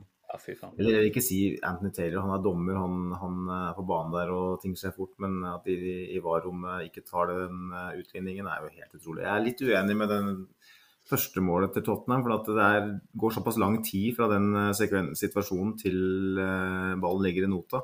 Hvor langt skal det gå tilbake? Jeg tenker jeg blir jeg kan, jeg kan forstå at den blir stående. Ja, Det er jo akkurat samme som den Henderson mot Fulham i første runde, vel. Altså, Jeg husker ikke hvor mange trekk den var tilbake, men det er klart når den ikke blir tatt, da, så, så får det ikke stor nok innvirkning, kanskje. Så jeg er for så vidt enig i at ikke mål skal stå, men at det er et element av flaks når du ikke da får det frisparket ja. i første gang. Det er det jo ikke noe tvil om, for en årvåken nok dommer tar den. Absolutt, og det er, det er, jo, en, det er jo, flaks eh, for, for Tottenham i det, det, tilfellet. Men eh, at VAR skal inn og ta den, det er jeg ikke enig i. Eh, da blir det for Da vil vi aldri kunne feire et mål, for da vil vi alltid kunne ja, For tre minutter siden så var det en som snubla i et bein. Så jeg syns den er grei. Men nummer to er jo helt idiotisk. Er det lov å lugge nå? Er det lov å ta tak i, i skrotum til eh, vedkommende og bare dra til du blir blå i øya, liksom? Altså, Hva faen er det som skjer, da? Det er jo altså, Jeg nå kjenner jeg til å bli useriøs der, men det er altså så dumt at det, Han lugger den jo! Han drar noe ned i, i håret. Altså, hvordan kan det stå i en, eh, en, eh, en, tidsalder hvor vi har kameraer i alle retninger og har muligheten til å gå tilbake og endre det? det for meg så er det faen meg et mysterium. Altså. altså da, begynner man, da, begynner man, å lure på om, om, det er krefter her og der. Jeg, jeg, jeg tror ikke det, men jeg, bare, hva er det her for noe? Hva er det her for noe? Mike Dean på VAR. Det er ikke verre enn det. Det er svaret ditt. Men, men er, altså, dommerstanden har jo allerede nå i løpet av de første to rundene fått vise at de fortsatt er ekstremt lite konsekvente. At det skjer forskjellige vurderinger i forskjellige situasjoner, eller relativt like situasjoner eh, gang etter gang. Så det er bare å stålsette seg for 36 eh, runder til med opp- og neddømming. Det, det, kommer til å gå utover oss på et eller annet tidspunkt ganske snart òg. Og eh, jeg tenker jo at eh, de som sitter og styrer de stallene i Premier League, de må jo bare be det klippe seg. For at det er lov å lugge nå. Jeg husker jo at Felaini. Av alle, av alle lugga Genduzi i en match mellom United og Arsenal for et par år tilbake. Eh, uten at det ble vel heller ikke tatt, så vidt jeg husker. Um, Han ble vel lugga selv. Hva var det, du- hva var det du kalte Du hadde jo en veldig fin versjon på det før sending, Simen. Hva er det Chelsea må gjøre eh, for å unngå at det skjer igjen? De må jo sørge for at uh, kuken eh, skjeves. Rett og slett. Men han er fin med hår, da. Flott Ja, det er jo ofte uenigheter om det, men eh, ja. Eh, han eh, Men, men la oss ikke spore helt, da. Altså Hvor har Tottenham vinner fotballkampen i dag fordi at, Nei, fått ett poeng fordi at kuken ikke er skjev i dag. Men Espen Berg svarte på spørsmålet. Er du, er du mer eller mindre redd for Tottenham og Chelsea etter det du har sett til nå, da? Jeg, jeg syns det er så vanskelig å skulle liksom basere noe som helst på en enkeltkamp. eh, sånn. Vi vet jo at eh, det er sterke følelser i sving mellom de to klubbene, at det gjerne blir hett. Eh, spesielt etter den der matchen i 2016, var det vel, når, når Tottenham vel mista sjansen til å vinne ligagull, og Leicester tok, tok det. Um, sånn at jeg, jeg klarer egentlig ikke å si Jeg sier verken eller på det, altså. Eh, jeg synes det er altfor tidlig. Jeg står ved det jeg sa i, i preview-episoden. Jeg, jeg tror Tottenham blir nummer tre, jeg tror Chelsea blir nummer fem. og det jeg, har ikke noe, jeg, jeg føler ingen grunn til å, til å endre på det eh, per nå. Jeg ser heller ingen grunn til å endre på mitt tips, bare så det er sagt. Men ett lag til da, som vi må få lov til å bruke litt tid på, det er jo kanskje et lag som vi allerede nå kan begynne å nesten fjerne fra den topp fire-diskusjonen. Altså laget vi begge hadde på sjetteplass eh, før sesongen, eh, United. Manchester United, beklager. Eh, Det må, det må spesifiseres. ja, ja, det var derfor jeg gjorde det. Mm. Eh, der er det jo helt krisetilstander nå. Eh, jeg trodde faktisk ikke det var så gærent som det det ser ut til å være nå. da. Nå med to relativt eh, håpløse prestasjoner eh, og egentlig et ganske kjipt kampprogram i vente. Eh, en manager som egentlig ikke har fått inn det han ønsker, i hvert fall ikke det han trenger for å kalle det revolusjonere det, det laget der. da. Og som nå, i etterkant av kampen, også Om han ikke kasta spillerne sine under bussen, så var han i hvert fall ikke der ute og beskytta dem. Eh, han sa at han selv tok ansvar, men spillerne måtte ta en stor del av ansvaret, de også, for at dette ble som det ble. Eh, hva tenker du om United om dagen? Altså Et United som nå er på bånn etter to runder. De har vel hatt sin dårligste åpning på Var det opp mot 100 år, eller? Du snakker om over 100 år, Over 100 år, ja, eh, ikke sant? tror jeg. Altså, Vi må jo få lov til å le litt, må vi ikke da? Vi- Vi skal ikke lenger tilbake selvfølgelig enn et år før vi var i egentlig Jeg vil ikke si akkurat samme situasjon. Eh, Tabellmessig var vi det, men vi var jo tross alt på et annet sted i eh, Kall det prosjektet, da, til eh, den nye manageren. Altså Her har de fått en ny trener som har vært i jobben i noen måneder nå, og som ikke er i nærheten av å ha det mannskapet han sannsynligvis trenger da, for å spille en fotball som han står for. Eh, Jeg digger det jo, det vet jeg du gjør også. Eh, Hvor, hvor håpløst dårlig kan det gå for United denne sesongen? her da? Det er vanskelig å svare på. Altså. Eh, men man begynner jo på en måte å se konturene av en, eh, av en totalkollaps. Altså en fotballklubb som på en måte er så ute og sykler at man, man virkelig aner ikke hvor ille det kan gå. Eh, det er så mange faktorer inne i bildet her. Eh, jeg har hørt en del eh, forstå seg på eller uttale seg nå det siste døgnet. og De nevner jo noe vesentlig, syns jeg. Da. Det er jo det at Old Trafford ruster, er i ferd med å bli en skygge av det et sånt Mm. anlegg bør være. Og det sier, litt, sier alt om hvordan den fotballklubben eh, satses på av eierne. Eh, og så ser jeg det en veldig sånn het debatt i sosiale medier nå, og noen eh, vil skylde på eierne. Spesielt United-fansene er ivrige på det, mens andre sier at ja, men eierne kan ikke sette Christian Eriksen i en uh, nirolle en nirolle i et øyeblikk og en uh, seksrolle i et annet øyeblikk. Men det minner meg veldig om Arsenal på mange vis, bare på en mye større, en mye større bilde. Altså en mye større format.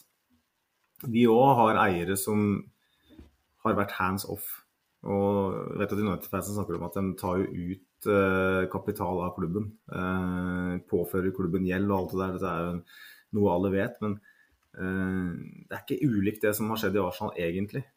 Eh, jeg, jeg, føler at de ansettelsene som blir gjort, da, det blir gjort i hy og hast, eh, og gjerne veldig populistisk. Det er en populistisk framferd hele veien, for de gidder ikke å, å virkelig dykke dypt i materien og se hva er det må gjøre her for å få den klubben her tilbake på sporet. Um, og jeg føler Arsenal, da, for å dra den parallellen et stykke lenger.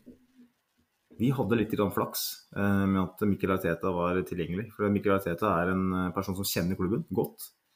Han gikk inn, og han tok total lederskap over alt, egentlig. Mm. Eh, jeg tror han er primus motor og alfa og omega og alt for den klubben eh, her. Mens Manchester United eh, prøvde seg på Solskjær, som på ingen måte er samme typen. De har prøvd seg på mange andre i tillegg. Og, og i tillegg så har kanskje eieren til United vært enda svakere på det å gi den tilliten til, til rette folk, for det er det det handler om. For at at Cronky eller Glazer skal gå inn og styre klubben eh, daglig og være på plass og, og, virkelig ha oversikt. Det kan vi ikke regne med, for det er ikke den type eier de er. Det ønsker man jo ikke at de skal være heller, selvfølgelig. Nei, på sett og vis, men man ønsker jo at de skal være mye mer hands on enn, enn det de har vært. Og eh, når Ralf Ragnhild kommer inn der i, etter Solskjær, og rollen er veldig sånn eh, spesifisert, han skal inn og være eh, headcoach da i, i seks måneder. Caretaker. Så skal han uh, opp i andre etasjen uh, på balkongen og styre. Og så får han litt svake resultater. Og så forsvinner han helt ut. Og så er det en helt ny plan, men en helt ny type. For meg så virker det som det, det, det skipet der det er i ferd med å gå på en Titanic også. Og jeg, jeg tror Manchester United rykker ned. Kommer til Nei, ja, det har vært spennende sagt. Det kan ende med hva som helst. Jeg tenker at vi skal være forsiktige med å avskrive Ten Hag på det tidspunktet her. Det er to kamper. Ja. Eh, det er tidlig, men det er så mange faktorer som gjør at jeg ville ikke avskrevet at Manchester United synker som en stein ned til 13.-14.-plass hvis det her fortsetter på den måten her. For det er, det er Har du noen gang sett engelsk fotball en, en, så stor klubb som har fall, falma så i blinde? Det Nei, det er, det jo, det er det jo ikke mulig å finne. Altså et, eh, et annet uh, eksempel som er like grelt som det der. Uh, nei, Spørsmålet er jo hvor lenge han får lov til å sitte, om han får en mulighet til å gjøre om på dette her, da. Uh, begynner å lure på om en Ja, jeg begynte i hvert fall å få en feeling at han er ikke ute etter å, å, beskytte noen. Jeg lurer på om han tenker at navnet hans skal dras nok ned i søla, når han sannsynligvis ikke nå får i nærheten av den backinga på riktige spillere inn. da. Eh, som han har sett for seg. Hvorfor skal han eh, ødelegge sitt eget navn eh, med å være med på dette her nå i noen runder, og så mm. uansett sett, se at det kommer til å gå til helvete? For det, du kan sette mye penger nå på at ja, den neste opplevelsen nå mot Liverpool den blir vel brutal der oppe på alle måter, med tanke på at fansen boikotter og alt mulig sånt. da. Så ja, jeg lurer på om han kan finne på å tenke at dette gidder jeg ikke. Og så må United ganske kjapt ut og se etter en reserve igjen, da. Så... Get out while you can, Eric. ja, men det er jo egentlig sånn. Så vet jeg ikke hvem som skulle gjort det, men eh, nå har liksom, dette var planen deres. Eller det, det, var ikke noen plan, men dette var deres beste kort. Det var en ekstremt god fotballtrener etter alle solemerker som ja, han sliter kanskje litt med engelsken, og kommunikasjonsegenskapene er absolutt ikke helt på topp, da. Eh, men, men, jeg tenker at han med riktig backing fra eierne nå eh, hadde eh, kunne gjort ganske gode ting med det laget her. da. Ikke gode nok allerede denne sesongen, men satt i en, en positiv forandring i hvert fall. Men nå får han jo ikke den muligheten, rett og slett. Og så ja, han må ta ansvaret for at han setter han Lisandro Martinez på stoppeplass. Så Arsenal hadde planer om å kjøpe han til venstrebekken. United har mm. kjøpt den inn og putta den inn på stopperplass i Premier League ved siden av Harry Maguire. Det er jo forferdelig det paret de har ute på der nå. Eh, både ja, måten det ser ut på og de egenskapene de, de har uh, seg imellom. Da. Enn så lenge, i hvert fall. Uh, så skal jeg være forsiktig med å avskrive Martinez òg. Det er ja, to kamper. og det, vi, vi ja, eh, det skal være jævlig forsiktig med. Um, Jeg tror han kommer til å bli spist i mange eh, Premier League-kamper den sesongen her, så lenge han blir satt der. Men så kan du lure på hvorfor en Luke Ja. Shaw får lov til å fortsette på venstrebekken nå. Nå er ikke vi United-podkast, så vi skal ikke bruke for mye tid på det, men at vi kan kose oss med det nå, det er det ikke noe tvil om at vi skal gjøre, i hvert fall. vi kan jo kalle han eh, Erik Ten Hag for direktør Muff Muffens. Han ligner jo litt på han direktør Muffens fra Brødrene Dal. Eh, jakten, eller Atlantis, hvis du har sett den. Hvis du setter på han litt sånn der- litt sånn der 90-talls solbriller Ja, og en hatt, så har du direktør Muffens. Det er ikke en sånn åpenbar uh, jeg tar, men når du sier det, så, så henger jeg med på den. Du, du Tenkt mange ganger, faktisk. Så det er ikke rart det er noe Muffens i, der i gården, men ja, det eh, ja. Vi får la det være med det, og så ta siste punkt på lista, som er et lite frampek mot eh, Bournemouth-kampen eh, lørdag kveld, er det vel? Eh, 18.30 avspark eh, på bortebane der. To minutter. La oss se fram mot hva vi kan forvente der, Magnus. Tapte 4-0 nå på Etiad. Får vi da et Scott Parker-lag som blir veldig gjerrig og vanskelig å spille mot, eller er det fortsatt litt sånt åpent Bournemouth som møter oss, eh, håper vi? Altså, Som jeg kjenner eh, Scott Parker, så er jo det en eh, fotballtrener som i veldig stor grad ønsker å, å ha et et spill som gjerne beror seg på at han skal ut og styre og dominere og stå høyt. Så jeg har ikke sett noe som tyder på at han ikke, ikke er det. Eh, kvaliteten på Bournemouth sine spillere, eh, de har vel ikke rekruttert all verden heller, det er for svak, tror jeg, til å holde plassen i Premier League. Eh, så jeg ser ikke bort fra at entusiasmen ved, ved å være det andre hjemmekamp i ligaen eh, Den vant vel den første, tror jeg? gjorde den ikke Gjorde det? det. 2-0 mot Eh. Villa, som jeg ikke så, så jeg aner ikke hvordan den kampen forløp. Så det, kan godt hende at, er- at det er mye energi der. Mm. Eh, at hvis Arsenal ikke møter helt opp og er litt eh, forsiktig i starten, så kan vi fort eh, få trøbbel. Men eh, hvis vi går ut der og spiller opp mot det beste vi kan, så bør vi definitivt vinne. Så jeg, jeg spår en eh, 1-2 borteseier der. Altså. Okay. Ok. Ja, jeg så støtter argumentene. Jeg tenker jo også det samme som deg, at, at Bournemouth er i utgangspunktet en ganske fin motstand for oss, da, hvis de fortsetter med det de pleier å gjøre. Eh, og det, det vil jo passe oss eh, perfekt i den kampen her. Eh, første målet, da. Vi får jo se. Vi har ikke fått første mål imot oss så langt denne sesongen her. Det blir fortsatt en spennende ting. Altså Om det skulle være sånn at den energien du er inne på, omsettes i en tidlig hjemmeskåring. Eh, hvordan vi reagerer på det, blir jo en, ja, en kjempeinteressant ting. Håper vi slipper å finne ut av det nå. Men eh, jeg tror vi skal eh, dra i land en relativt komfortabel 3-1-seier. Ja, men da legger du deg på vant vis. Um, Jeg tippa jo 4-0 da, f- mot Leicester. Jeg vet ikke hva du eventuelt hadde satt der. Eh, jeg hadde 2-0, så hadde 2-0. Da er vi vi, traff jo begge på et vis. På et vis. Eh, Jeg tenker at vi var nærmere å skåre flere og ikke slippe inn to, i hvert fall. Så jeg tenker at den egentlig Der traff jeg egentlig best. ja. Nei, men det blir eh, Hvis vi vinner den mot Bournemouth, så har vi ni poeng på tre matcher. Så, og så har vi vel full, to hjemmekamper etter det, tror jeg. Så har vi virkelig muligheten til å bygge momentum. Så jeg kjenner jeg gleder meg. Vi er oppe på bølgen og surfer allerede. Ja, det er deilig. Det er bare sug på karamellen, folkens. For at vi vet at eh, rundt enhver sving så kan det vente en, eh, en mine. Så det kan gjerne være der. Så store oppfordringen fra oss, eh, Siven, må jo være at uh, bare sug på den karamellen der nå. Ja. Det er jo bare nydelig. Se på billetter på, som vi sa i forbindelse med promoteringen av Arsenal Norway. Sjekk terminlista, reis over eh, og syng eh, halsen full. Mm. Ja, absolutt. det er, nå er det den positiviteten som er rundt Arsenal akkurat nå.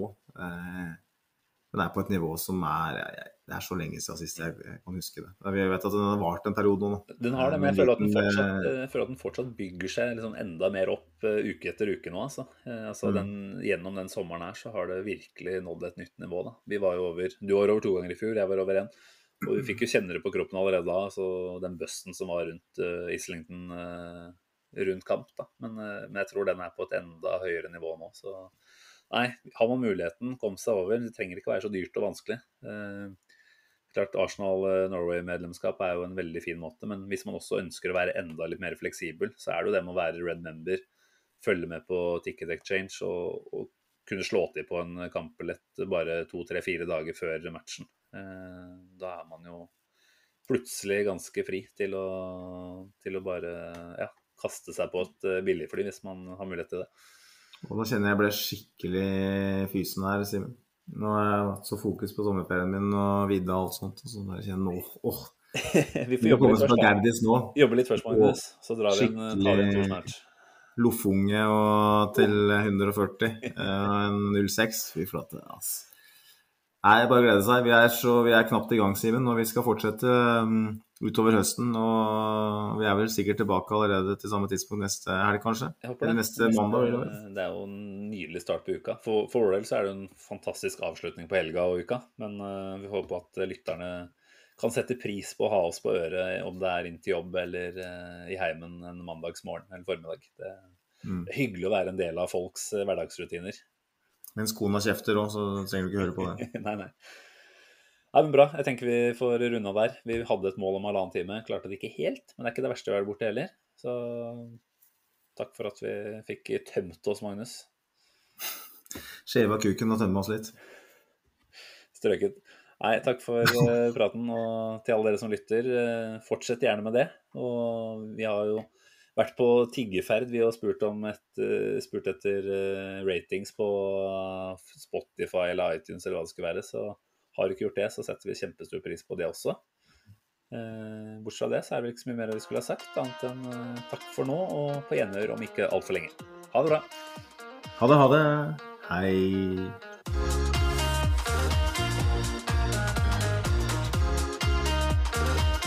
This train terminates here.